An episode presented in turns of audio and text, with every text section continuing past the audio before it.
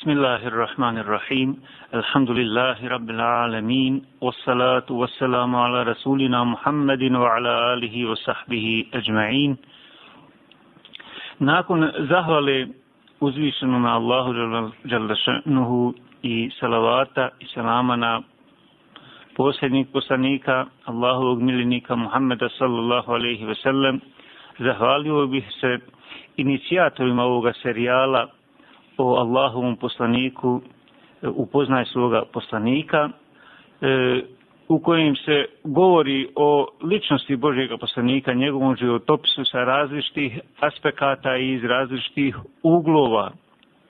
Također bi se zahvalio i Radio Nabi na kooperativnosti i e, činjenici da je prihvatila da bude domaćin ovom važnom, važnom serijalu o Allahovom poslaniku, posebno je li u, u kontekstu ovih posljednjih napada na Boži, ličnost Božijih poslanika kroz karikature i tako dalje. Tako da iz te činjenice jeli, proizlazi važnost i, i vrijednost ovoga serijala o Allahom poslaniku. Nadam se da će se kroz ovaj serijal zaokružiti, zaokružiti tematika e, i koja obrađuje ovu ličnost Božih poslanika sa različitih aspekata. Tema ovog mog večerašnjih predavanja E, jeste muđize i dokazi poslanstva Muhammeda sallallahu alaihi ve sellem. Tema u kojoj su pisali mnogobrojni autori sa različitih aspekata i polazeći sa različitih stajališta, kao što ćemo vidjeti tokom predavanja, od onih koji radikalno negiraju sve osjetilne muđize Božijega poslanika, e, dakle, E, potvrđujući jedinu muđizu Kur'ana, pa do onih opet s druge strane koji nekritički e, potvrđuju ili pripisuju Božijem poslaniku mnogobrojne muđize, kako one koje su potvrđene kroz vjerodostojne hadise, tako i one koji se navode u e, sumnjivim predajama, sumnjivim hadisma, sumnjive vrijednosti. Muhammed alaihi salatu wasalam ovo časno ime izgovaraju usne stotina miliona ljudi. Već 14 stoljeća milioni srca zatrepere od emocija kada se ono spomeni. Mnogo drugih miliona ljudi će još dugo, dugo koliko i samo vrijeme izgovarati ga i biti duboko dirnuti kada se spomene ovo ime. Svaki dan, prilikom svakog namaza, muslimani se sjećaju Muhammeda alaihi salatu wasalam, Allahovog groba i poslanika s pobožnošću i poštovanjem. Čak i između ovih namaza muslimani nikada neće čuti Muhammedovo ime, alaihi salatu wasalam, a da neće požurti da donesu salavat i selam na njega. Tako su činili i tako će činiti dok Allah Đalašanu ne daruje pobjedu svojoj istinskoj vjeri i upotpuni svoju blagodat prema svim ljudima. Muhammed alaihi salatu wasalam nije trebao čekati dugo da bi njegova vjera postala poznata i široko rasprostranjena. Mudri je Allah odlučio i vjeru u islamu potpuniti i prije njegove smrti. On je bio taj koji je sastavio planove za promoviranje ove vjeri. On je brojnim okolnim šefovima država prinčevima i kraljevima tadašnjeg svijeta poslao poruke pozivajući ih u novu vjeru. Nije prošlo ni 150 godina od tada, a zastave islama su se visoko zavihorile iznad Španije na zapadu i Indije, Turkestana i Kine na istoku. Ova tema, tema muđiza i dokaza Allahovog poslanika povezana je e, uskom vezom sa samom sirom, odnosno životopisom Allahovog poslanika. Otuda ću na početku jeli, iznijeti neke karakteristike i specifičnosti poslanikove biografije, koje na svoj način govori o prirodi poslanstva Allahovog poslanika Muhammed Ali Salatu Veselam. Govore o tome koje su bile njegove istinske i stvarne i najvažnije muđize. Poslanikova biografija objedinjuje nekoliko osobenosti koje njeno izučavanje čine historijskim, intelektualnim i duhovnim užitkom. Međutim, te osobenosti u isto vrijeme čine njeno izučavanje obaveznim za one koji žele upoznati šarijat, ali i za daje, misionara i reformatore društva. Najizrazitija obilježja poslanikove biografije, alaihi salatu wasalam, sažet ćemo u nekoliko tačaka. Prvo, Poslanikova biografija ili sira najvjerodostojniji je izvještaj o životu jednog poslanika ili velikog reformatora. Do nas je dospjela najpouzdanijim znanstvenim metodama koje je nemoguće opovrgnuti, kako ćemo to vidjeti kasnije. Oni ne ostavljaju mjesta sumnji kad su u pitanju najznačajniji momenti i najvažniji događaji njegova života, te nam omogućuju da saznamo šta joj je to pridodato u kasnijim stoljećima od razno raznih događaja i muđiza, odnosno čuda, od strane nekih umova koji su željeli poslaniku alaihi salatu pripisati više čuda nego li mu ih je sam Allah Đelešanuhu podario. Drugo, život Božeg poslanika sallallahu alaihi sallam rasvijetljen je u svim njegovim fazama od ženitbe oca mu Abdullaha majkom Aminom pa, des, pa sve do smrti. Puno toga znamo o njegovu rođenju, djetinstvu, mladosti, izvorima prihoda prije poslanstva, njegovim putovanjima van Meke i sve tako do ga Allah Đelešanuhu nije odabrao za poslanika. Od tog momenta naša saznanja o njemu postaju preciznija, jasnija i potpunija iz godine u godinu. Sve ovo njegovu biografiju čini jasnom do u detalje. Ili, kako su to neki kritičari rekli, Muhammed je jedina ličnost rođena pod svjetlošću sunca, aludirajući pritom na precizna saznanja o njegovom životnom putu od rođenja do smrti. E, treće, odnosno četvrto, biografija Božeg poslanika obuhvata sve aspekte ljudskog života. Ona nam kazuje o Muhammedu alaihi salatu wasalam kao čestitom i povjerljivom mladiću prije nego li go je Allah i odabrao za poslanika. Zatim nam govori o misionaru koji traži najbolje metode pozivanja kako bi ono bilo prihvaćeno. Ulažući posljednje atome snaga u, snage u dostavljanju objave. Potom nas izvještava o njemu kao vladaru koji zavodi najpravednije i najefikasnije zakone u državi i nad istom danonoćno bdije garantujući joj tako uspjeh. U njoj čitamo o nježnom mužu i osjećajnom ocu uzoritog obhođenja koji zna svoje dužnosti i prava kao suprug i roditelj, a onda i od odgajatelju, upućivaču, koji brine o odgoju svojih drugova ashaba, poklanjajući im dio sebe, svoje duše, svoga duha, što ih je postaklo da ga pokušaju slijediti i u sitnim i u krupnim pitanjima života. Ona nam ne propušta kazivati o poslaniku koji vodi računa o svojim prijateljskim obavezama, ispunjava ih i uljudno se ponaša, zbog čega ga njegovi sredbenici vole kao i samog sebe, pa i više nego li sebe i svoju porodcu i svoju rodinu. I na kraju, ona nam govori i o hrabrom ratniku, pobjedonosnom vođi, uspješnom političaru, povjedljivom komšiji i čovjeku koji svoja obećanja ispunjava. Ukratko, biografija Muhammeda sallallahu alaihi ve sellem obuhvata sve aspekte ljudskog življenja u društvu, što alaihi selama čini velikim uzorom svakom vođi, ocu, suprugu, prijatelju, odgajatelju, političaru i tako dalje. Tako nešto ne pruža biografija ni jednog poslanika, utemeljitelja vjere ili filozofa, ni u bližoj, niti u daljoj prošlosti.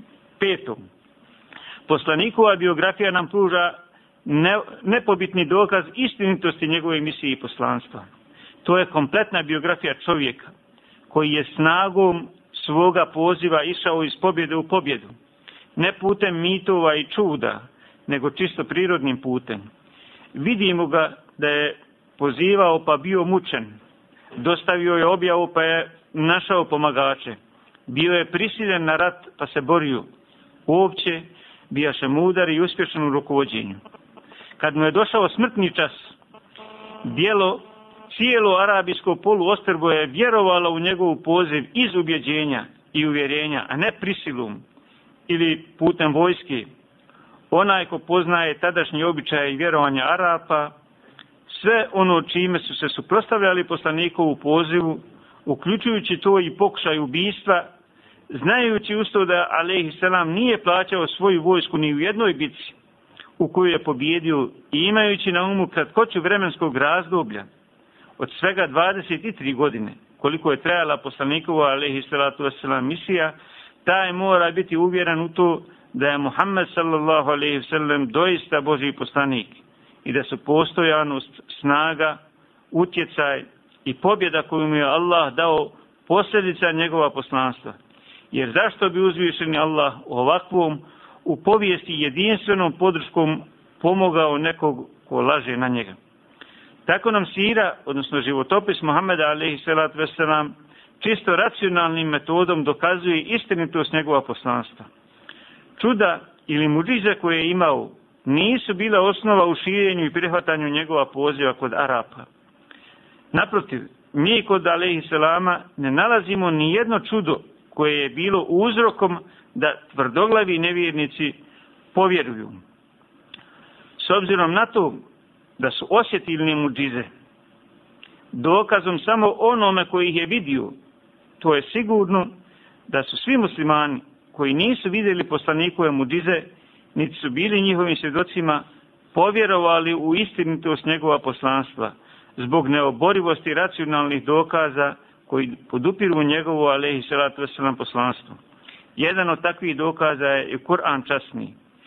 Muđiza koja obavezuje svakog umnog i nepristrasnog čovjeka da povjeruje u Muhammedu alaihi salatu wasalam iskrenost u tvrdnji da je on Božiji poslanik.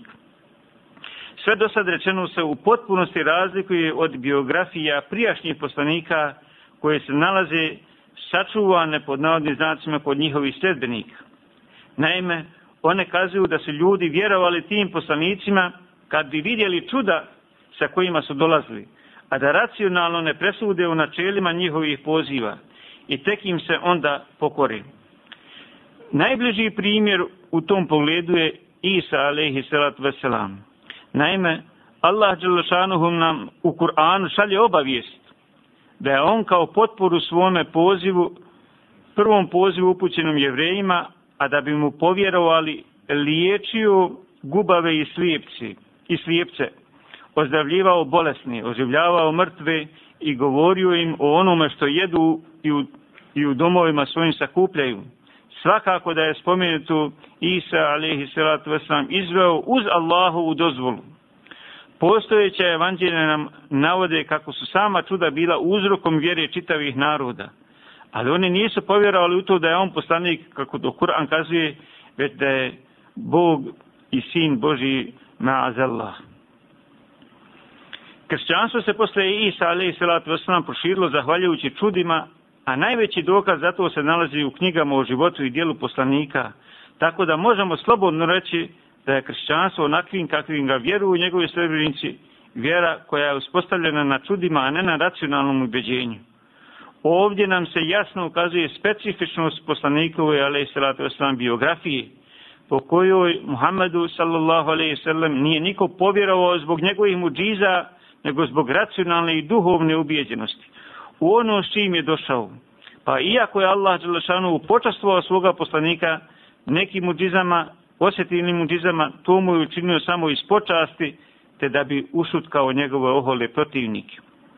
Onaj ko dobro poznaje Kur'an, primijetit će da se on u metodici uvjeravanja i ubjeđivanja ostanja prije svega na racionalno prosuđivanje. Osjetilne dokaze prisutne u veličanstvenom Allahovom stvaranju i potpuno saznanja o vjerovjesnikovoj nepismenosti, što njegov dolazak sa Kur'an i Kerimom svrstava u dokaze vjerodostojnosti njegove poslaničke misije uzvišeni kaže i govore zašto mu od gospodara njegova nisu neka čuda poslana. Pa reci, čudesa su jedino u Allaha, a ja samo jasno opominjem. A zar i nije dosta to što mi tebi objavljujemo knjigu koja im se kazuje, u njoj je doista blagodat i pouka narodu koji vjeruje. A kad su nevjernici Kurešije prešli granicu u traženju čuda od poslanika, ale i salat veselam, kao što su radili prijašnji narodi, Allah Đelešanu naređuje svom miljeniku da im odgovori riječima, hvaljen neka je gospodar moj, zar ja nisam samo čovjek, poslanik. Poslušaj ovome i Allahove riječi iz iste sure, dakle sure Al-Isra, i govori, nećemo ti vjerovati sve dok nam iz zemlje živu vodu ne izvedeš. Ili dok ne budeš vjerovao ili dok ne budeš imao vrt od palmi i loze pa da kroz njega svugdje rijeke provedeš. Ili dok na nas u u parčadima ne oboriš kao što tvrdiš. Ili dok Allaha i Meleke kao jamce ne dovedeš.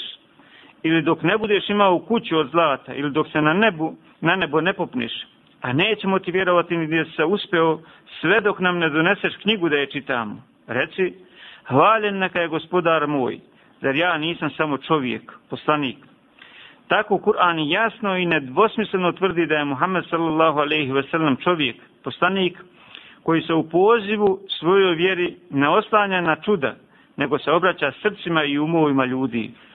Onome koga Allah želi da uputi, on srce njegovo prema islamu raspoloži. Sura Al-An'am 125. ajet. Muhammed alejhi salatu vesselam ostavio je veliko duhovno nasljeđe koje je obasjalo svijet svjetlom i vodilo ljudsku civilizaciju kroz mnoga stoljeća. Nasljeđe koje će iznova obasjati, inša Allah, svijet i voditi ljudsku civilizaciju još jedan put, dok svjetlo Allahova ne ispuni univerzum. Muhammedu alaihi salatu wasalam nasljeđe imalo je tako veliki utjecaj u prošlosti, a imat će veliki ili još veći utjecaj i u budućnosti. Upravo zbog toga što je Muhammed a.s. postavio temelj jednoj civilizaciji koja jedinoj civilizaciji koja garantira sreću i blaženstvo čovjeka. Vjera koju je Muhammed a.s. prenio i civilizacija koju je ustanovio prema Božijim odredbama za dobrobit biti čovječanstva su neodvojive jedna od drugih. Civilizacija Islama izgrađena je na duhovnim temeljima i u njoj je čovjek prije svega pozvan da prepozna konačnu realnost i shvati svoje mjesto u svijetu s obzirom na tu stvarnost. Kad god čovjek vas poznaja o ovom odnosu dosegni tačku izvjesnosti i uvjerenja, to uvjerenje uvijek će zahtijevati da disciplinira sebe, da očisti svoju dušu i da ojača i nahrane kako svoje srce, tako i svoj razum uzvišenim i plemenitim principima velikodušnosti, zadovoljstva, bratstva, ljubavi, milosrđa i poštovanja. Na osnovu ovakvih principa čovjek treba organizirati svoj ukupni život – Takvo kretanje je temelj islamske civilizacije kakvu je Muhammedu a.s. objava začela. To je prije svega duhovna civilizacija. U njoj duhovni poredak definira temeljna načela sistema obrazovanja osobnog i društvenog morala. Ti principi koji čine moralni poredak onda predstavljaju temelj društvenog i ekonomskog sistema. Prema tome, u ovoj civilizaciji je nedopustivo da bilo koji moralni princip bude žrtvovan zarad recimo ekonomskog sistema ili ekonomskog profita i tako dalje. Ova koncepcija koja je svojstvena islamskoj civilizaciji jeste ta koja je u stanju dovesti čovečanstvo do sigurnog ostvarenja sreće i blaženstva. Ako bi ona ikada postala čvrsto utemeljena u ljudskom srcu i razumu i ako bi došlo do tog da dominira ovim svijetom kao što recimo zapadna civilizacija danas dominira, čovečanstvo bi vodilo drugačiji život. Plemeniti i moralni principi bi riješili hronične krize današnjeg svijeta. I na istoku i na zapadu ljudi pokušavaju pronaći rješenje za one krize, za ove krize. No, bez posve jasne spoznaje, uključujući tu i muslimane, da im islam nudi pouzdana i zajamčena rješenja. Danas zapadni, zapadnjaci polahko i oprezno traže novu duhovnu ozbiljnost koja bi ih mogla sačuvati od paganizma u koji su sami sebe gurnuli. Obožavanjem bogatstva koje je u samom korijenu njihove duhovne bijede.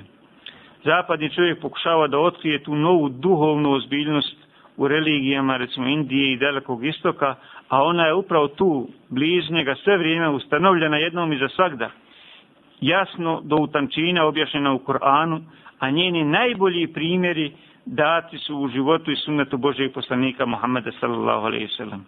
Primjer Muhammeda alaihi sallam najbolja je primjena islamske civilizacije, kako je prezentirano u Kur'anu. Prisjetimo se kako je poslanik alaihi sallam proširio ideju bratstva na sve ljude bez ikakve razlike.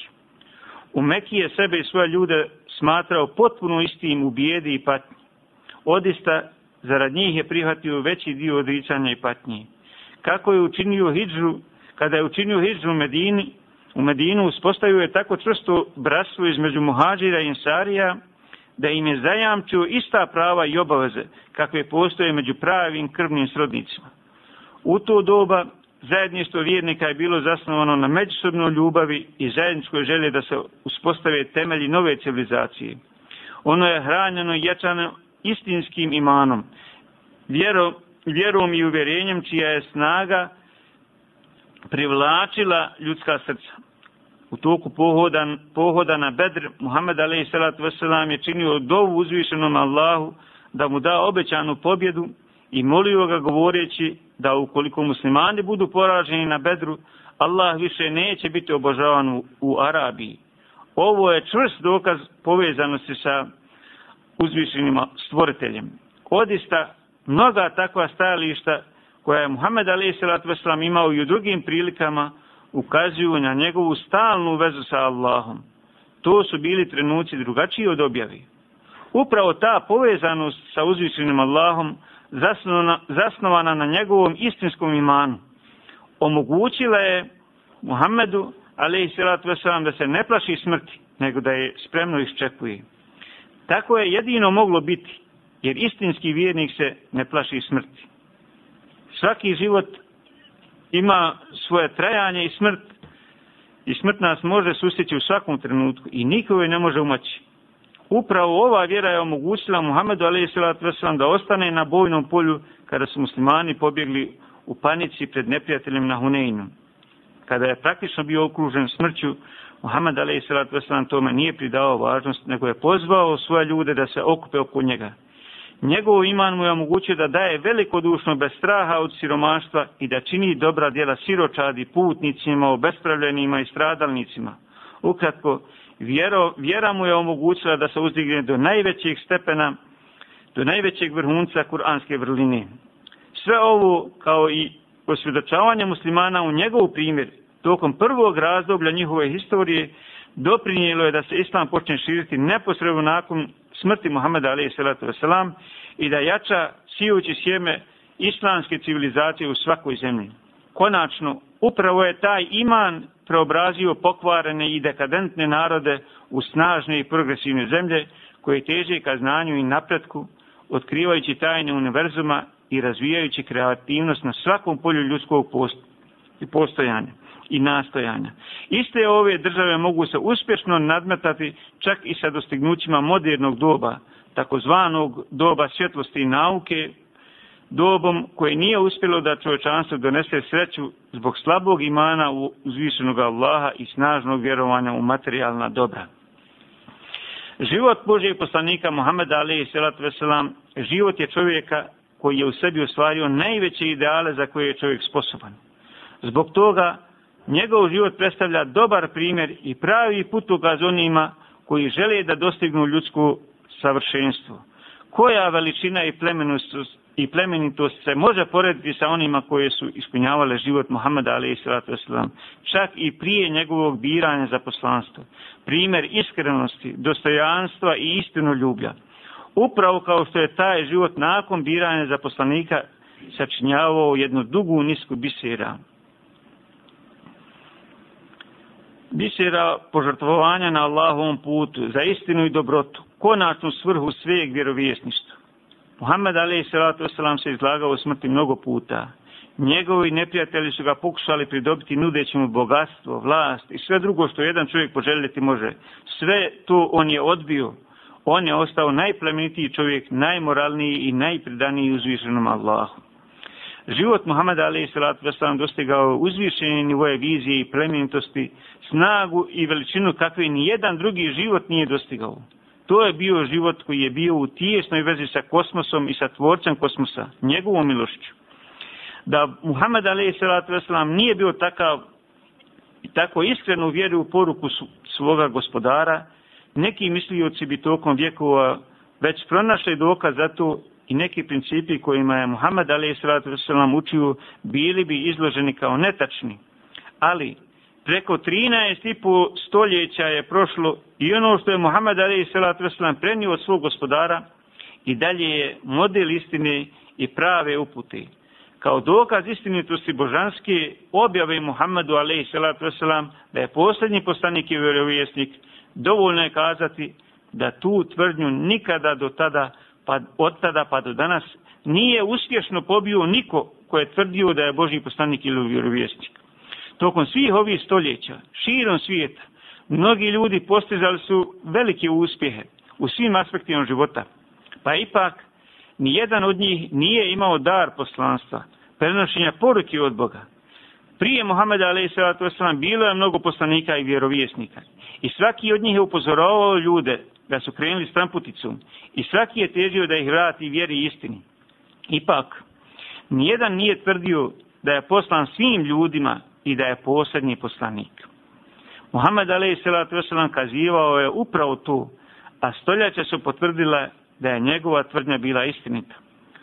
Ono što je Muhammed a.s preniju nije bila izmišljena, nego istinita objava božanske poruke koja je imala namjeru da osigura uputu i da donese milost cijelom čovječanstvu. Cijeli životopis Božjeg poslanika, ali i salatu wasalam, u svim detaljima, cijeli njegov život zapravo je jedna velika muđiza, osjetilna muđiza, ali ne ona nadprirodne, nadprirodnog karaktera, nadnaravna, nego upravo prirodna, naravna, naravna muđiza.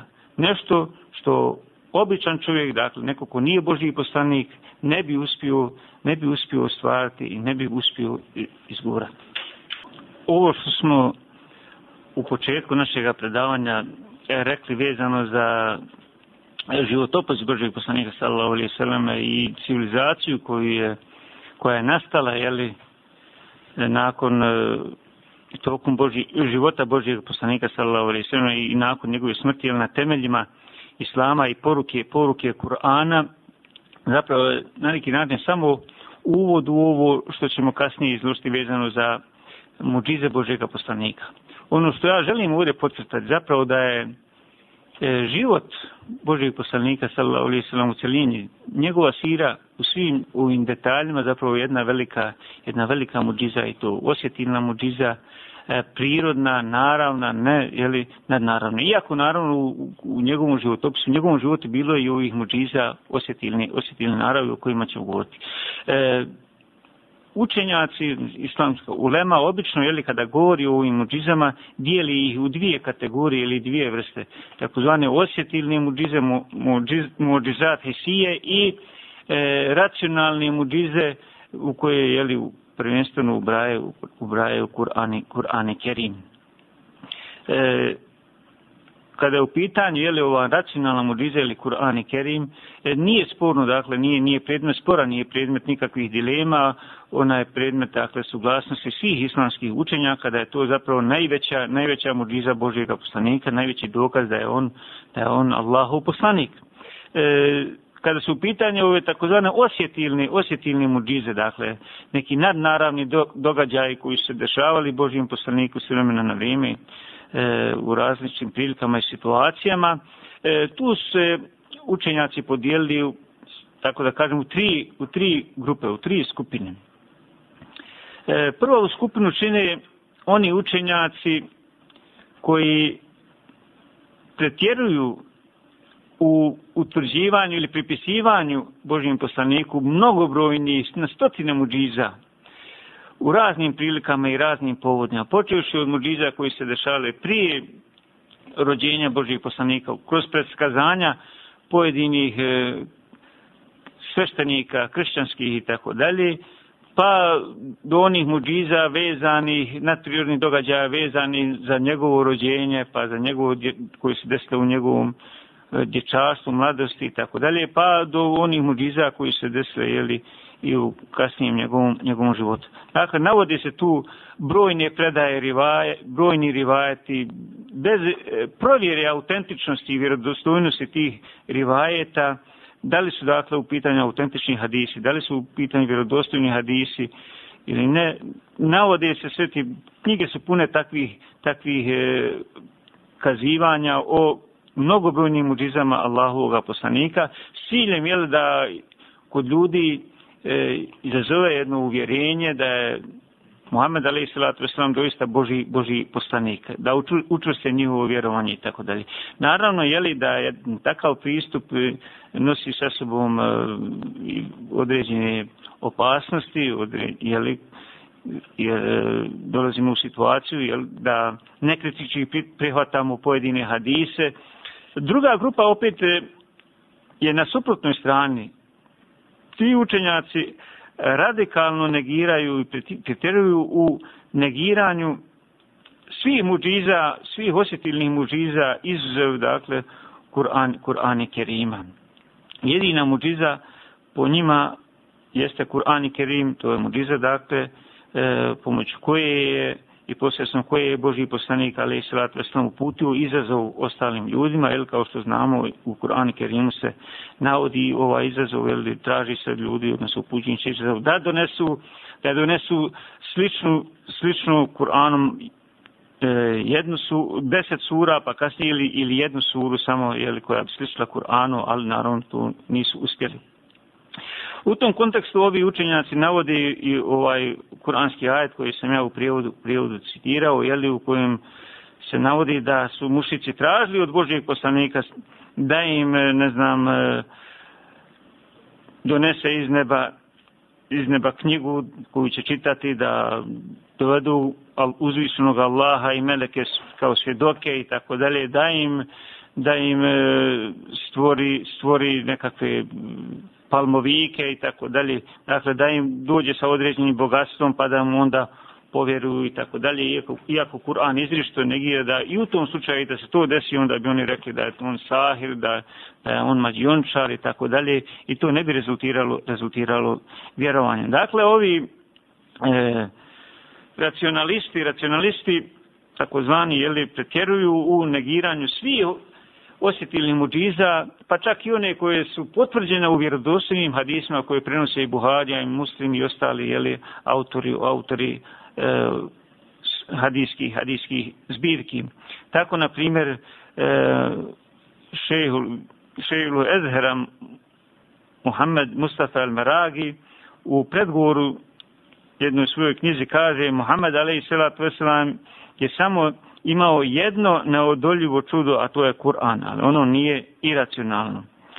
Nešto slično e, tvrdio je Muhammed Rešid Rida, urednik Elmenara, koji je u svojoj knjizi El Vahil Muhammediju istakao da je, da je analizirao sve aspekte ovog problema, pitanja, dakle, muđiza, i da je ustanovio da je Kur'an sam po sebi ključni dokaz Muhammedovu ali salatu vesselam poslanstva kao i drugih poslanika njihovi poruka i proročanstava u vezi sa Muhammedom ali salatu vesselam. U našem vremenu ističe on nije moguće potvrditi bilo koje dijelo poslanikovo osim Kur'anom. Sa stajališta Kur'ana tvrdi ovaj autor nadprirodni događaji su ipso facto sumnjivi osim toga smatra se da u ove sve prisutne priče kako tvrdi Rešid Rida pojavama čudesa u svim dobima i mjestima vjeruju svi vjerni pripadnici svih konfesija i tako dalje, kaže dalje. Ja sam također analizirao uzroke ove sklonosti ka vjerovanju u čuda i razdvojio ono neobično od duhovnog i pokazao odnos obje ove komponente prema kosmičkim zakonitostima. Također, ranije, jer prije nije Muhammed Abduhu, veliki učenjak i lider, tvrdio je, Islam i njegov zahtjev za vjerovanje u Boga i njegovu jedinost zavisi samo od racionalnih dokaza i zdravorazumskog razmišljanja čovjeka.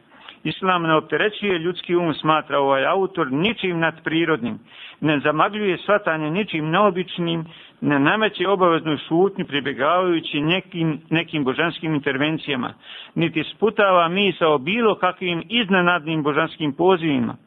Svi muslimani, tvrdi ovaj autor, osim onih čije mišljenje nije relevantno, slažu se da je vjera u Allaha starija od vjere u poslanstvu i da nije moguće vjerovati u nekog vjerovjesnika ako prije toga ne vjerujete u uzvišenog Allaha. Nerazumno je zahtijevati, tvrdi ovaj autor, vjerovanje u Boga na temelju onoga što samo kažu vjerovjesnici i knjige, e, kao što je nerazumno vjerovati u bilo koju knjigu objave ako čovjek ne vjeruje da Bog postoji i da on može postati knjigu objave ili svoga, svoga poslanika. Ovi autori tvrde da je Kur'an isključiva dakle, muđiza Boži, jedina muđiza Božijega poslanika i navode jel, kao dokaze ove ajete koje smo, koje smo citirali. E, oni smatraju jeli, da se u Kur'anu ne spominje ni jedno čudo, odnosno muđiza u cilju potvrde Muhammedovog, ali i sallatu wasallam poslanstva, osim samog Kur'ana. uprkos činjenici da Kur'an potvrđuje mnoga čuda poslanika koji su prethodili Muhammedu a.s. i opisuje mnoge druge prednosti koje mu je Allah podario. Ono što je Kur'an rekao o vjerovjesniku Muhammedu a.s. ne narušava prirodne zakonitosti ni u najmanjoj mogućoj vjeri tvrde ovi jeli, radikalni racionalisti. Naravno, oni ističu jeli, da je, kao što sam već rekao, da je je Kur'an i Kerim jedino, jedina muđiza, jedino čudo s kojim je došao Boži poslanik Muhammed sallallahu alaihi ve sellem. Upoređivati posljednjeg vjerovjesnika smatraju oni sa njegovim prethodnicima, dakle sa ranijim poslanicima je upoređivanje neuporedivo, jer on je bio posljednji vjerovjesnik, poslat od Allaha cijelom čovječanstvu, a ne samo spe, jednom specifičnom narodu. Eto zašto je Allah htio da Muhammedovo čudo odnosno muđiza bude ljudska i racionalna, pa ipak neuporediva dakle sa bilo kojim dijelom ljudi ili džina. Ovo čudo je, dakle, muđiza, Kur'an sam po sebi nešto najveće što je Allah dopustio.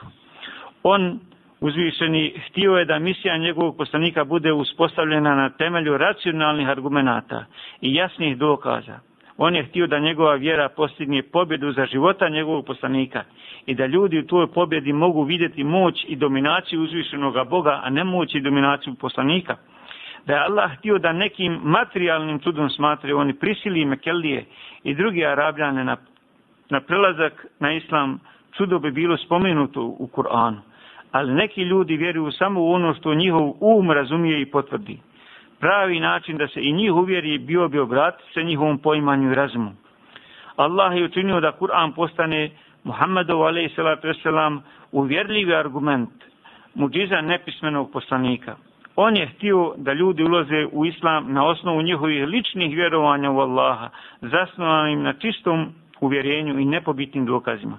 Jedino tako zasnovano vjerovanje bilo bi vrijedno vjerovanje svih ljudi, bilo koje rase i jezika i u svim vremenskim razdobljima. Naravno da je jedna ovakva jeli, radikalna kritika, odnosno negacija ovih osjetivnih mudiza neprihvatljiva i da je u suprotnosti i koliziji sa hadisima potvrđenim u vjerodostojnim, vjerodostojnim predajama. Dakle, imamo i ovo treće mišljenje, odnosno treću grupaciju islamskih učenjaka koji zauzimaju jedan srednji put u pogledu ovih mudiza. E, potvrđuju da je uz Kur'an i Kerim najveća poslanikova, ali i salatu veselam muđiza, kojom je Boži poslanik uputio izazov, izazov svim ljudima i, i, i džinima. Dakle, cijelome, cijelome univerzumu da dođu sa nečim sličnim i naravno da današnjeg dana taj izazov stoji. Niti ljudi, niti džini nisu uspjeli jeli, odgovoriti, odgovoriti na ovaj izazov na zadovoljavajući način.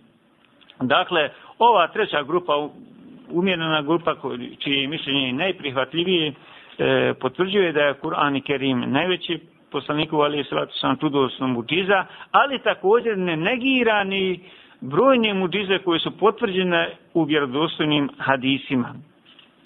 E, cilj ovih muđiza, dakle osjetilnih muđiza, nije bio da se uputi e, izazov ljudima da vjeruju, da povjeruju u poslanstvo Muhameda ali salatu na osnovu tih osjetilnih muđiza, nego su one jednostavno došle iz počasti od Allaha Đelešanu prema poslaniku, e, iz njegove milosti prema Božijem poslaniku, zatim kao podrška, znak podrške i pažnje u određenim teškim situacijama s kojima se suočavao Božji poslanik.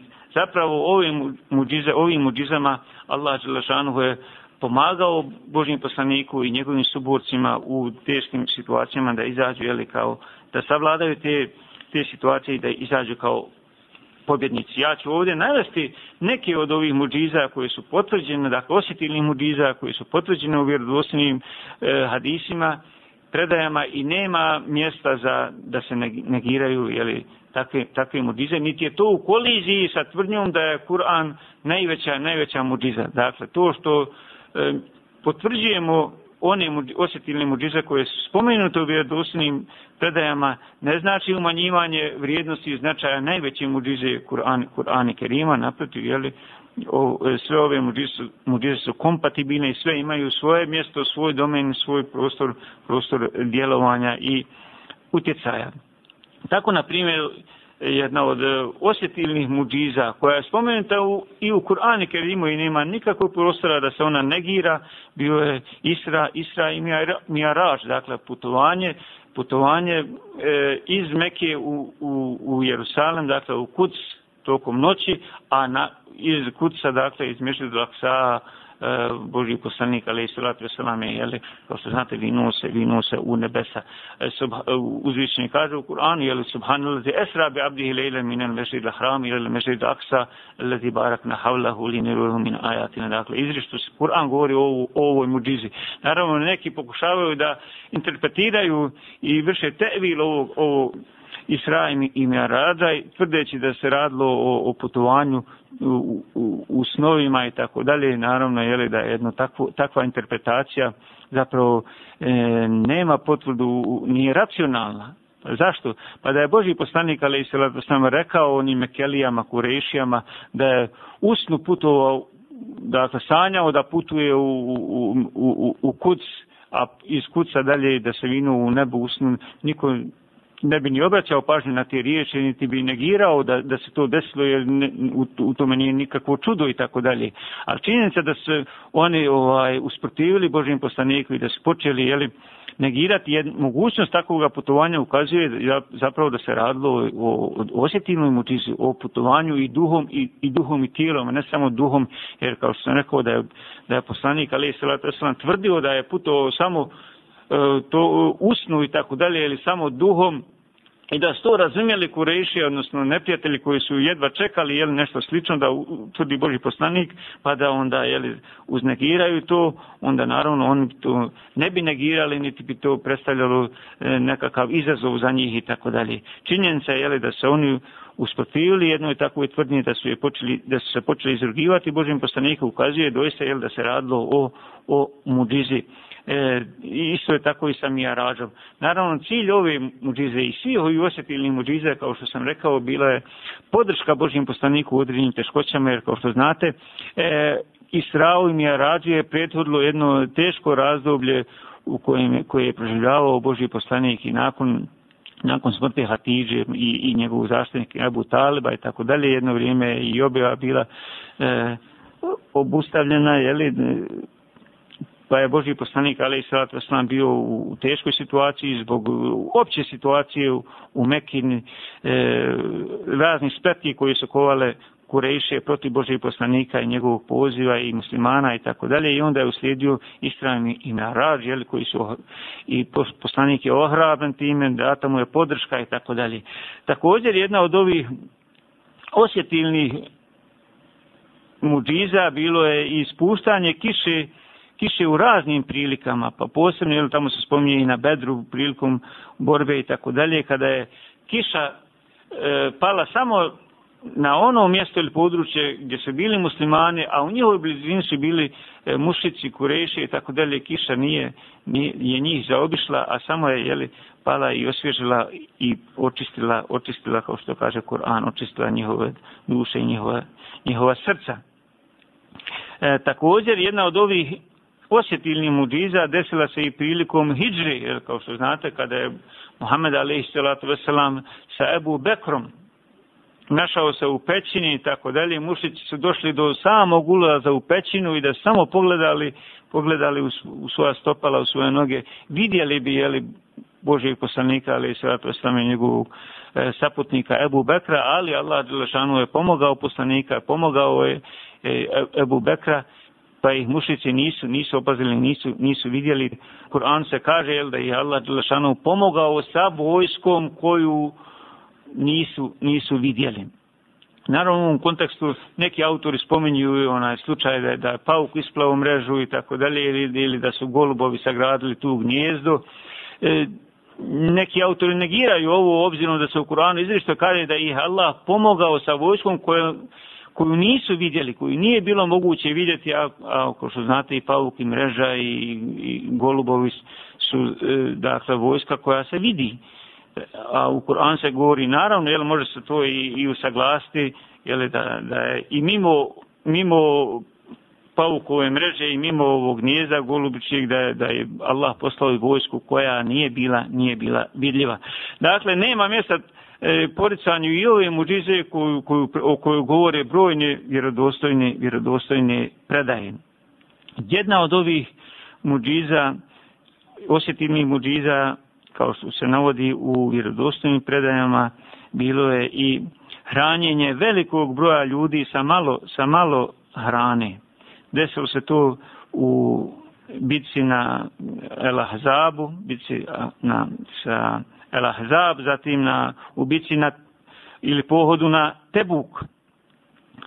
E, jedna od ovih muđiza koja se, koju spominje koja se spominje u brojnim hadijskim e, zbirkama jeste i e, slučaj sviljenja i jecanja panja na kojim je Boži poslanik ali se sam jedno vrijeme držao, držao hudbu i tako dalje kada je napravljen mimber onda je li desilo se a čuli su to i ashabi koji su bili u džamiji da je panj na kojim je Boži poslanik ranije držao hudbe da je počeo cviliti jecati i tako dalje. I to su to se prenosi e, gotovo u mutavatir mutavatir predajama tako da nema mjesta E, poricanju i ove, i ove osjetilne muđize Božijega poslanika sallahu alaihi sallam. E, jedna od ovih osjetilnih muđiza također je i e, donošenje ili, ili, ili, ili dolazak vode na neobičajene načine u pustinji i tako dalje, prilikom raznih putovanja i raznih vojnih pohoda i tako dalje, obzirom da je često puta nestajalo vode i tako dalje, onda na neobičajene načine, na sudesne načine Boži poslanik sallahu alaihi sallam, jel, svojim domama i tako dalje osiguravao, osiguravao dolazak e, vode. E, jedna od ovih e, osjetilnih muđiza koje spominje i Buhari od Al-Bara ibn Aziba i tako dalje, govori se e, da u jednom slučaju kada su Boži poslanik i njegovi, njegovi drugovi bili jeli, u pohodu na Hudejbiju, da, da su izgrabili svu vodu iz bunara, da nije ostalo ništa u bunaru i tako dalje, pa je rečeno i saopćeno Božim poslanik sallallahu alejhi ve sellem da u bunaru više nema vode, on je došao, sjeo na ivicu, na ivicu bunara, učinio dovu uzvišenom Allahu dželle šanuhu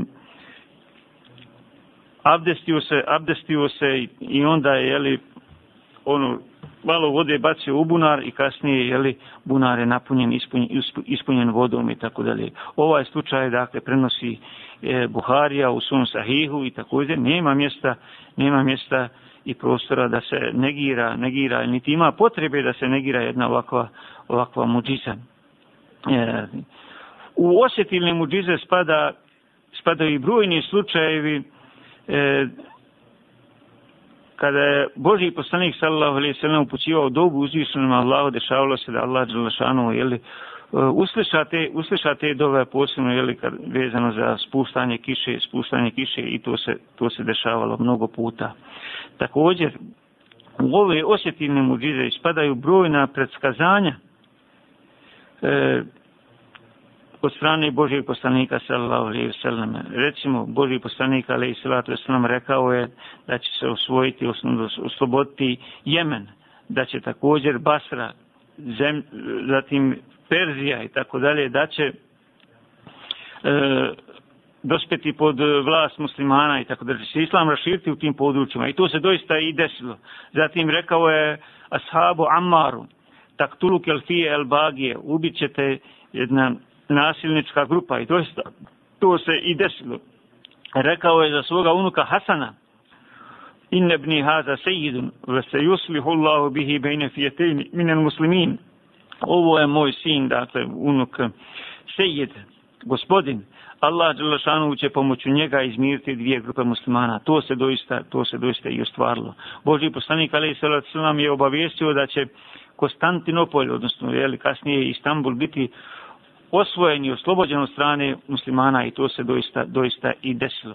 Dakle, nema prostora da se ne, niti mjesta, niti ima potrebe i smisla negirati i ove osjetilne, osjetilne muđize koje su prenešene u vjerodostojnim, vjerodostojnim predajama. Već sam ranije istakao da je vrhunska muđiza časnog poslanika, sallallahu alaihi ve sellem, Kur'an i Kerim.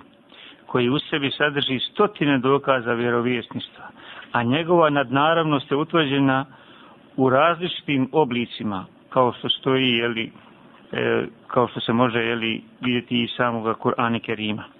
Ako bi neko prigovorio da nadnaravnost Kur'ana časnog se nalazi u njegovom visokom riječničkom stilu, a samo jedan od hiljadu stručnjaka u stilistici razumije tu crtu, dakle, vezano za stilistiku, iako bi trebalo da svaka generacija ljudi ima koristi od ove crte nadnaravnosti, kažemo, jeli, e, za svaku struku ljudi postoji u Koranu nadnaravni sadržaj. Samo što se ta nadnaravnost može osjetiti na različite načine i po različitim tipovima. Tako, na primjer, čudesna nadnaravnost u stilu riječitosti se otkriva onima koji imaju osjećaj za riječitost i čistoću jezika. Tako se i visoki, dopadljivi i jedinstveni stil otkriva onima koji vladaju poezijom i govorničkom vještinom. Iako svaka generacija ljudi iskusi ovaj stil, niko se ne usuđuje da ga pokušao ponašati. Mnoštvo ponavljanja ne troši Kur'an i Kerim, niti ga izbljeđuje tog vremena. To je prijatan i sočan stil koji zauvijek zadržava svoju svježinu. Taj stil sadrži prozu složenu u stihove i poeziju izraženu u formi proze, što ga u isto vrijeme čini i visokim i uzvišenim i pitkim i ukusnim. Dalje, njegov nadnaravni karakter se ogleda i u nepojemljivim preskazanjima iz gajba, kojima stavlja izazov pred razne gatare koji za sebe tvrde da izvještavaju o stvarima iz gajba. Osim toga, on se i historičarima, učenjacima koji se bave proučavanjem dešavanja u svijetu obraća sa stvarima koje im pomažu da osjeti njegovu nadnarodnost, donoseći spomen o događajima vezanim za prijašnje narode i njihova stanja, kao i događajima i dešavanjima iz budućih vremena, bilo u toku dunjalskog života u Berzehu ili na Ahiretu. Tako im postavlja izazov ovom svojom nadnaravnom prirodom. Svoju nadnaravnost on izlaže i pred sociolozima, politolozima i ljudima iz vlasti, izlažući nadnaravne crte svetih kuranskih e, temelja. Svakako, predivni šarijat izvučen iz Kurana časnoga potpuno razotkriva tajnu te nadnaravnosti. Allah je prije 14 stoljeća na zemlju spustio Kur'an, knjigu koja služi kao vodilja ljudima. Cijelo čovječanstvo je pozvano da se pridržava normi koje su propisane u ovoj knjizi da bi konačno našli svoj spas i oslobođenje. Ova posljednja Božja objava je ujedno i jedina uputa čovječanstvu od trenutka objavljivanja pa sve do sudnjega dana. Jedinstveni kuranski stil i izvanredna mudrost koja je sadržana u njemu su nepobitni dokazi da je Kur'an doista Allahova riječ. Osim toga, postoji i još niz čudotvornih specifičnosti koje dokazuju da je Kur'an objavljen od strane uzvišenog Allaha. Jedna od ovih specifičnosti je činjenica da se u Kur'anu, objavljenom prije 1400 godina, nalaze određene naučne činjenice do koje smo mogli doći jedino savremenom tehnologijom 20. stoljeća. Svakako, Kur'an nije naučna knjiga, međutim, određene naučne činjenice koje su se na jezgroviti mudar način izlažu u kuranskim ajetima, čovjek je uspio otkriti tek korištenjem tehnologije 20. stoljeća. Ove činjenice koje nije bilo moguće naučno utvrditi u periodu kada je Kur'an objavljen, još jednom savremenom čovjeku dokazuje, dokazuju dakle da je Kur'an Allahova riječ. Radi razumijevanja naučnog čuda Kur'ana potrebno je dakle i basti pogled na naučni nivo vremena u kojem je Kur'an objavljen, dakle u, u, u vrijeme za koje Kur'an kaže jel, da je to period džahilijeta ili e, dakle na, bili su na veoma niskom nivou, nivou nauke obrazovanja i one činjenice koje su spomenute u Kur'anu svakako jel, ukazuju na to da nije bilo moguće da ih da ih saopći, saopšti i da ih spozna, spozna čovjek. U Kur'an se govori o širenju kosmosa, a to je jeli, jedna novija, novija teorija. Zatim govori se o velikom prasku koji se desio jeli, kada je nastao, nastao kosmos i tako dalje. Zatim govori se o osiguranom svodu, govori se o zemlji, zemljinoj, dakle, kori prostranosti, širini i tako dalje. Dakle, mnoge naučne činjenice koje su kasnije potvrđene spomenute su u Koranu, što jasno ukazuje jeli, na to da je to Božja objava, da je to Božja riječ, jer, Boži, jer Muhammed Ali Salatu Islam, kao što je potvrđeno, jel,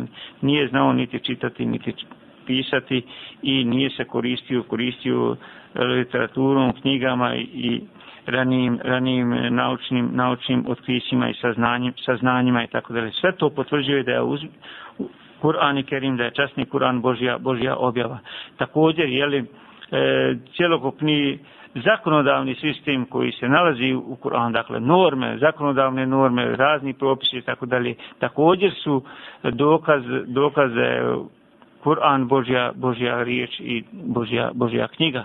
Dakle, e, ne samo ove naučne činjenice, ne samo stil Kur'ana, nego i e, zakonodavstvo u cjelini, sistem, sistem dakle, života koji je ustanovljen u Kur'anu, koji je zacrtan u Kur'anu, također ukazuje na to da je to najveća muđiza i najveći dokaz poslanstva Muhammeda alaihi salatu wasalam. Ovo su dakle samo bili e, neke napomene, neke napomene vezane za muđize, za pojam muđiza, svatanje muđiza od strane muslimanskih, islamskih učenjaka i ove osjetilne muđize koje smo spomenuli nisu jedine, ima i niz drugih muđiza, dakle, naravno nemoguće sve u jednom ovakvom predavanju, jeli, koje je ipak ograničeno i vremenski, nemoguće je iznijeti i prezentirati sve muđize. Dakle, ovo što sam ja iznio ovdje od ovih i spomenuo osjetilni muđiza, nije sve što se navodi u vjerodostojnim predajama. Ima tu i drugih muđiza, naravno nekom drugom prilikom o tome će se možda, možda govoriti opširnije.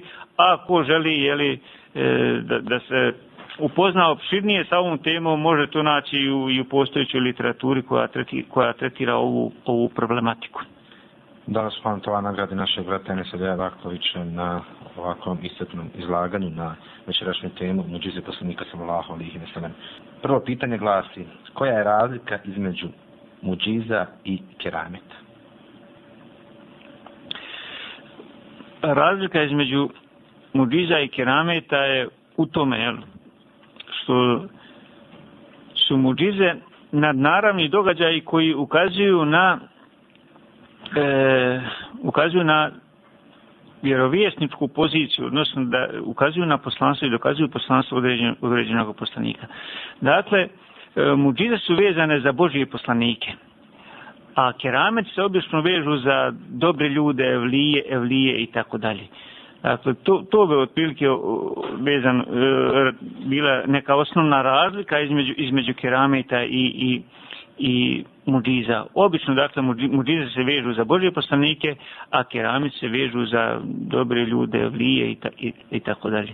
Dakle, e, cilj muđiza, posebno ranijih Božjih poslanika, bio je da se ljudima uputi izazov, dakle, da, on, da je to nešto nadprirodno, nešto što je, dakle, neobičajeno, što ne mogu drugi ljudi učiniti i to dokazuje, dakle, da je dotični čovjek Boži, Boži poslanik, onaj koji tvrdi dakle, da je Boži poslanik, ako dođe sa muđizama, ako malo Đelšanu, ako ga pomogne njegov poziv muđizama, jeli, onda će ljudi povjerati u njega. Što se tiče kerameta, jel, rekli smo, obično se vežu za, za dobre ljude, za avlije i tako dalje, pa i kerameti mogu biti kad kada je vezani za neke neobične nadprirodne događaje, nešto što ne mogu obični ljudi naravno, kao i u slučaju muđiza, i tu i kod kerameta imamo treterivanje, imaju, imamo oni koji negiraju potpunosti kerameta, imamo s druge strane oni koji, dakle, e, potvrđuju brojne keramete raznim ljudima i tako dalje. Naravno, i, i ovdje treba zauzeti, kao i u slučaju muđiza, jedan srednji stav, Dakle, nepobitno je da, da su kerameti potvrđeni posebno u ashabima Božije, kod ashaba Božije poslanika sallallahu alaihi sallam i kasnije kod nekih dobrih ljudi i tako dalje. Nema razloga dakle da se e, u, radikalno negira postojanje postojanje kerameta. Kerameti su potvrđeni u brojnim predajama kao i muđize Božih poslanika i, i, i tu treba imati, kao sam rekao, jeli, jedan umjereni srednji, srednji stav koji ne negira u potpunosti, ali s druge strane jeli, i ne pretjeruje u, u potvrđivanje i pripisivanje kerameta raznim šehovima, raznim dakle, ljudima, možda i, i, i sumnjive i upitne, jeli, upitne upitnog moralnog kredibiliteta i tako dalje. Pa u tom smislu tu treba biti, treba biti oprezan. Drugo pitanje, ja mislim da ste već djelemično odgovorili na njega, koja je mudrost muđiza koje ima poslanik sallallahu alejhi ve sellem.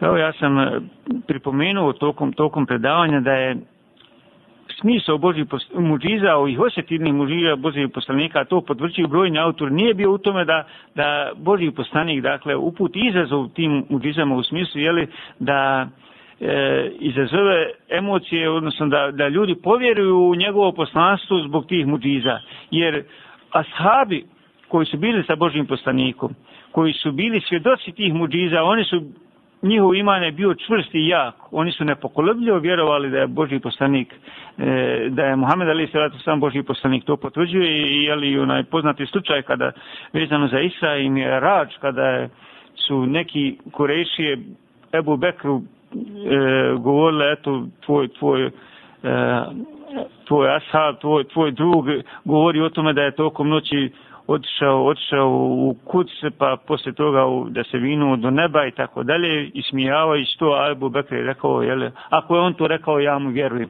Dakle, te muđize koje se dešavale Božim poslaniku, u prisustvu ashaba, njihov cilj nije bio, jel, da, da potvrdi ovo vjerovanje, vjerovanje koje je bilo nepokolebljivo i ima njegovih asaba, nego jednostavno cilj im je bio, ili je u pitanju bilo, dakle, kao što sam rekao, e, počast od strane uzvišenog Allaha, milost njegova, ili znak podrške, podrške, podrške i pomoći i pažnje koje je uzvišen Allah Đelešanu poklanjao Muhammedu a.s. i njegovim asadima, posebno u teškim situacijama, tokom teških bitki i tako dalje, ili u, u nekim iskušenjima, iskušenjima kako su bila posebno u Meki, a i tokom određenih, određenih borbi, na, recimo na Bedru i tako dalje. Dakle, smisao ovih, ovih muđiza, osjetilnih muđiza, bio je podrška, podrška i pažnja koji je uzvišen Allah Đelšanu davao poslaniku i njegovim sadma, a ne dakle u, smislu jeli, potvrđivanja njegovog vjerovjesništva i njegove vjerovjesničke pozicije, jer je neupitno bilo da su ashabi duboko vjerovali u njegovu vjerovjesništvo i same činjenice jeli, i na, na, osnovu, na osnovu njihovog poznavanja, iskrenosti i istinoljubivosti Božeg poslanika, njegovog e, čednog i kreposnog života i prije poslanstva, a i nakon, nakon poslanstva. Sve je to ukazivalo jeli, da je Boži poslanik da istinu govori kada je ustvrdio da mu dolazi, da mu dolazi Božja objava. Sljedeće pitanje glasi, jesu li i ostali poslanici imali muđize? Ako jesu, možete li navesti neki? Naravno, ko uh, uči Kur'an jeli, i razumije njegovo značenje ili prijod, e, tamo će naći jeli, brojne muđize o kojima Kur'an govori jeli, vezane za ranije Božje poslanike.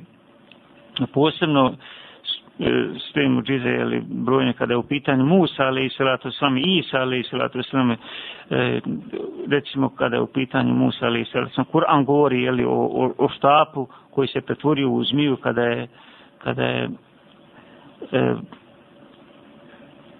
Allah Đelešanu naredio Musa'u na Sinaju da baci svoj štap i onda je jeli, taj štap se pretvorio, pretvorio u zmiju, Musa ali se uplašio, onda je uzvišen Allah Đelešanu rekao, ne, ne, ne boj se, to je samo štap, uzmi ga i tako dalje i onda poslije toga je naredio me da stavi ruku, ruku u njedra pod pazao i ta ruka se pojavila kao bijela i to su dva znaka, dva ajeta, dvije mudize koje su trebale jeli, dokazati Firaunu i njegovom narodu da je Musa, ali i rata se nam Boži poslanik.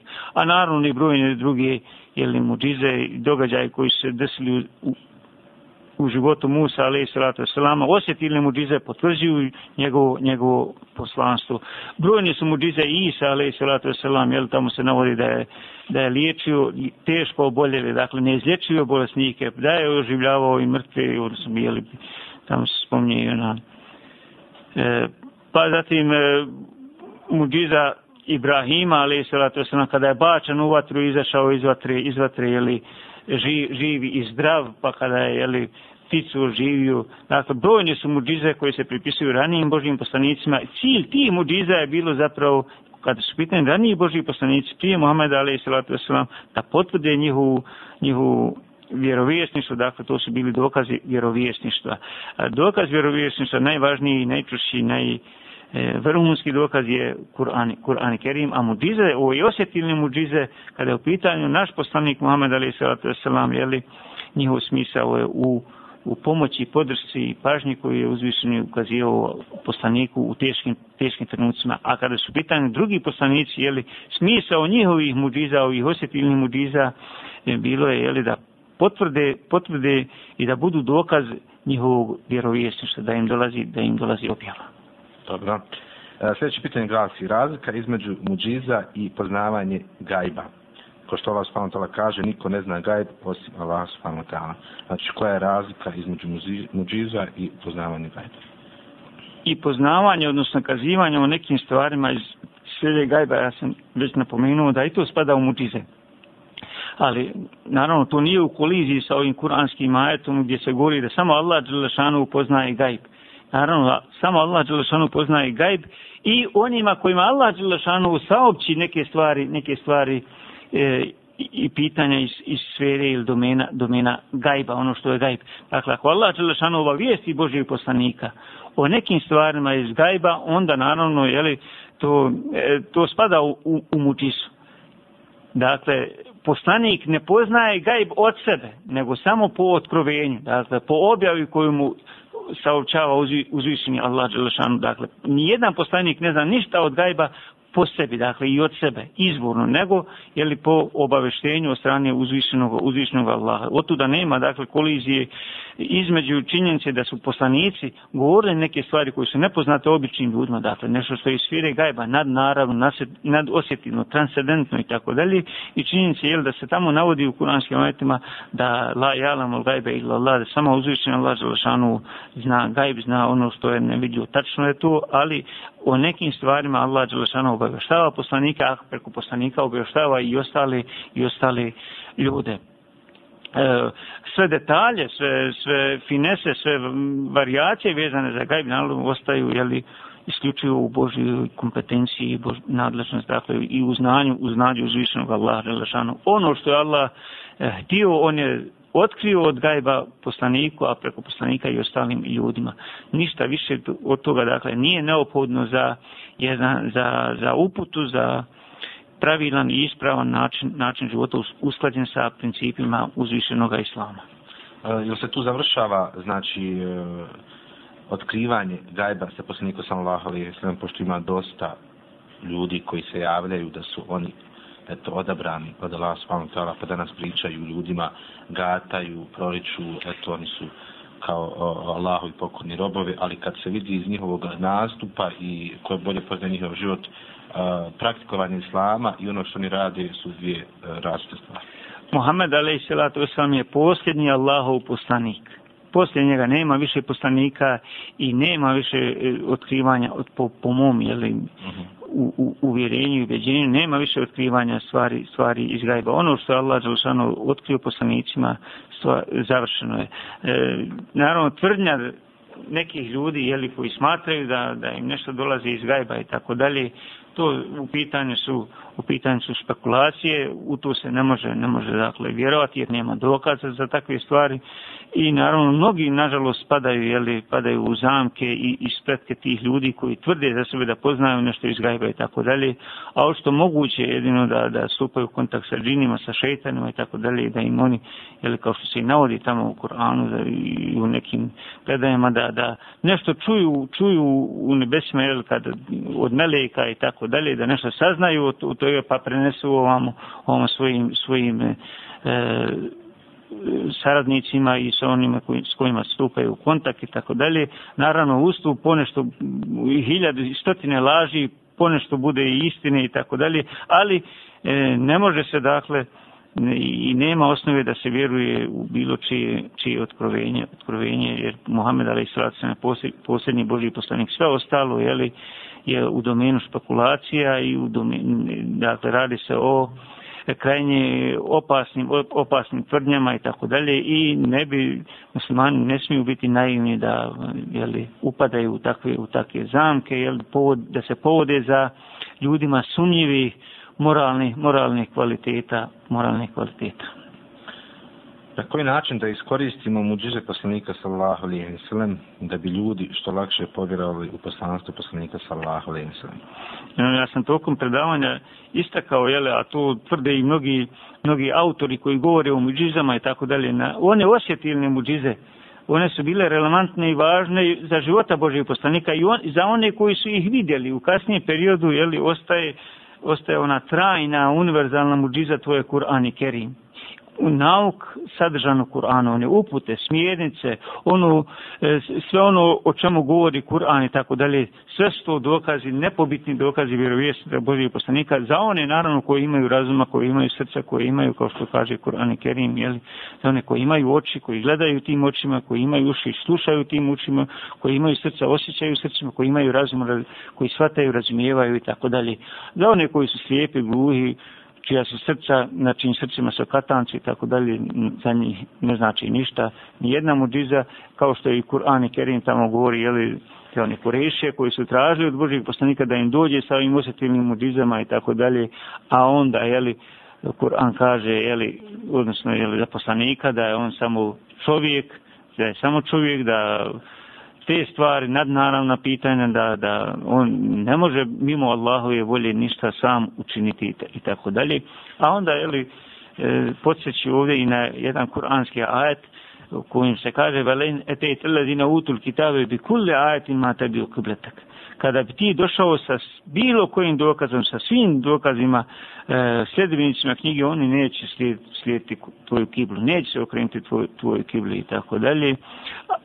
A ne slijede ni kiblu, ni kiblu jedni drugi i oni su sami, jeli, kao što kaže Koran, razdvojeni u mnoge, mnoge skupine, mnoge grupacije i tako dalje. Dakle, to što, što, što se eventualno dešavaju neke nadnaravne stvari i tako dalje i za koje tvrde pojedinci da, da ih čini ne znači ali ne mogu biti ne znači da će to biti i dovoljan dokaz dokaz za ljulje da se okrenu okrenu istinu da se okrenu vjeri. Dovoljan je Kur'an dakle za one za one koji imaju razuma za one koji žele da spoznaju, spoznaju istinu.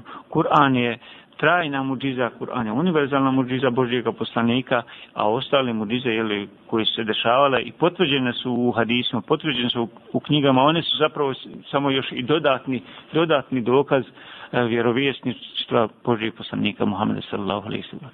Sallallahu alaihi sallam. Da, da vas Allah nagradi što ste nam uljepšali večerašnju noć. Kako da se musliman odnosi e, prema drugim poslanicima? E, kao što znate, je li temeljna istina islamske vjere je on, imanski šate i vjerovanje u Božje poslanike.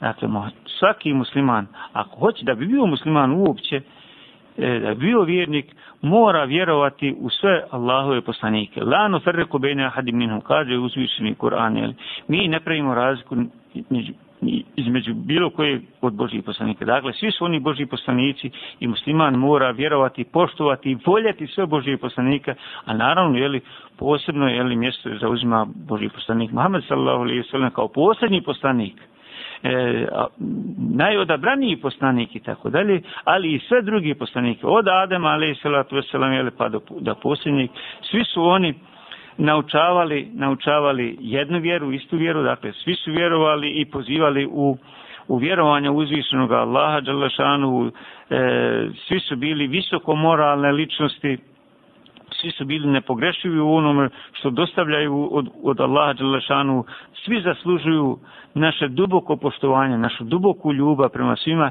i mi ništa ne možemo, jel, kao što se nažalost dešava da po, pojedini sljedbenici drugih religija, drugih vjera i tako dalje, omalovažavaju one poslanike koji, koji su došli kasnije nakon poslanika koji oni slijede i tako dalje. Musliman ne može tako ne može se tako ponašati i odnositi prema bilo kojim poslaniku. Naprotiv, kada bi tako činio, zapravo bi izašao iz islamske vjere, smatrao bi se murtedom. Kada bi e, rekao ili uradio bilo što što omalovažava nekog od, od Božih poslanika. Dakle, svi oni zaslužuju našu ljubav, naše poštovanje. Na svi njih donosimo salavat i selam, a posebno dakle, ukazujemo pažnju, ljubav i, i privrženost i slijedimo i, e, Božje našeg poslanika Muhammeda alaih salatu wasalam, jer je on i najveći zapravo među ovim poslanicima. kratko ćemo se odmoriti uz e, jednu ilahiju, minut, dva i onda ćemo nastaviti na odgovore na vaše pitanje. 062-215-541 naš kontakt telefon, mi idemo dalje. Zna li se koliko je poslanik sallallahu alaihi ve sellem imao muđiza? Pa rekao sam, jeli, tokom predavanja da je imao Boži poslanik brojni muđize, dakle da se islamski učenjaci u ovom pitanju na neki način razilaze u smislu da ima onih koji tvrde da je imao na stotine muđiza i tako dalje, pripisujemo brojne muđize, E, ne provjeravajući autentično svih tih predaja i tako dalje. S druge strane imamo one koji e, prihvataju samo one muđize jel, koji su potvrđene u vjerodostojnim hadisima, a i one su, a i one su brojne. Dakle, ne možemo reći tačno ima, bilo je 10, 20, 30 i tako dalje. Dakle, naš stav je jeli, da prihvatamo i vjerujemo u sve one muđize koje su potvrđene i u kojima se govori u vjerodostojnim predajama. Posebno onim predajama koje se navode u sahihu Buhari i sahihu, sahihu muslima. Može li se u muđize poslanika sallahu alaihi wa sallam ubrojati to što je poslanik sallahu alaihi wa sallam nagovješten u prethodnim objavama? Pa može, može se i to tretirati jednom vrstom, jednom vrstom uh, muđize. Nagovješten je naravno u ranijim predajama. Postoji predskazanja, dakle, od strane sredbenika i učenjaka iz ranijih, iz ranijih e, e vjera, vjer, svetonazora i tako dalje. Tako da se i to može tretirati kao jednom vrstom, jednom vrstom mudizi. Sljedeće pitanje glasi, može li, e, možemo reći da muđize nisu prestale nakon smrti poslanika sallahu alaihi veselem? Na primjer, prije nekoliko godina učenjaci su otkrili da se dva mora spajaju, ali se ne miješaju, a ovaj to spomenuo u Koranu. Pa naravno, je li ta muđiza je spomenuta u Kur'anu i sve one muđize jeli, koje su nad, nad naravnim događaju u kojima govori Kur'an, oni se dešavaju sukcesivno, postepeno i tako dalje i naravno da se dešavaju i dešavaju danas i dešavaće se i dalje, naučnici će se sve više otkrivati, otkrivati mnoge zakon, to se mnoge stvari u kojima je Kur'an ranije, ranije govorio i naravno je li sve su tu muđize koje se i danas dešavaju, muđize utemeljene u Kur'anu i naravno potvrđuju, potvrđuju istinitost, vjerodostojnost Kur'ana i Kerima da se radi, da je u pitanju Božja objava, a ne nešto je što je što je rezultat ljudskog umovanja, ljudskog razumijevanja, svatanja, ljudskog iskaza i tako dalje. Nemoguće, rekao sam nešto slično, ili kaže čovjek e, od sebe, dakle nešto što ne bi bilo rezultat otkrovenja, rezultat e, Boži, Boži objave. Prema tome, je ovo što se danas otkriva, naravno, jel nastavak je nastavak je potvrde kuranskih kuranskih mutiza, bit će toga još i dalje i više i tako. Znamo da je svinjsko meso haram, šta je sa divljom svinjom? Eto ovo pitanje, čim se nije u kontekstu ovoga što smo govorili tokom predavanja, dakle radi se o jednom pitanju koje je čisto fikskog karaktera, ali ne smijete, evo da kažem, dakle da se hukno, odnosno propis koji važi za ovu domaću svinju, važi i za divlju svinju, nema nikakve razlike u tome. Dakle, sve ono što, što važi, odnosno ovi propisi i zabrane koje se odnose na domaću svinju, odnose se također i na divlju svinju, a to potvrđuje i o, e, zdravstveni i, i sanitarni nalazi koji potvrđuju da se u, u, u mesu u mesu divlje svinje nalaze iste ove bakterije ili virus, ne znam šta je već, koje se nalaze u domaćoj svinji kao i bolest trihinaloza i tako dalje. Nažalost, neki od muslimana e, lovaca konzumiraju, konzumiraju to meso jeli, i naravno oboljeva, oboljevaju i tako dalje. Dakle, bez obzira što, što divlje svinje žive tamo po šumi, i na njih se odnosi ovaj propis o zabrani, zabrani i ono što Kur'an kaže da je dakle da, da se radi o nečisto, nečistom misu, nečistoći. Vezano za Isra i Mirađ, kada su Kurešije kazale Ebu Bekru šta im je rekao poslanik sallahu alaihi wa sallam, jedina stvar koju je Ebu Bekr pitao je li to rekao lao poslanik sallahu alaihi wa sallam. Da li iz ovoga možemo izvući zaključak kada nam neko spomene neki propis, da samo kažemo ili to vjerodostojan hadis, da to vjerodostojan prenosan poslanik sallahu alaihi sallam i da radimo po tome. Da li ovo stanje pravog vjernika? Naravno, pod uvjetom, dakle, da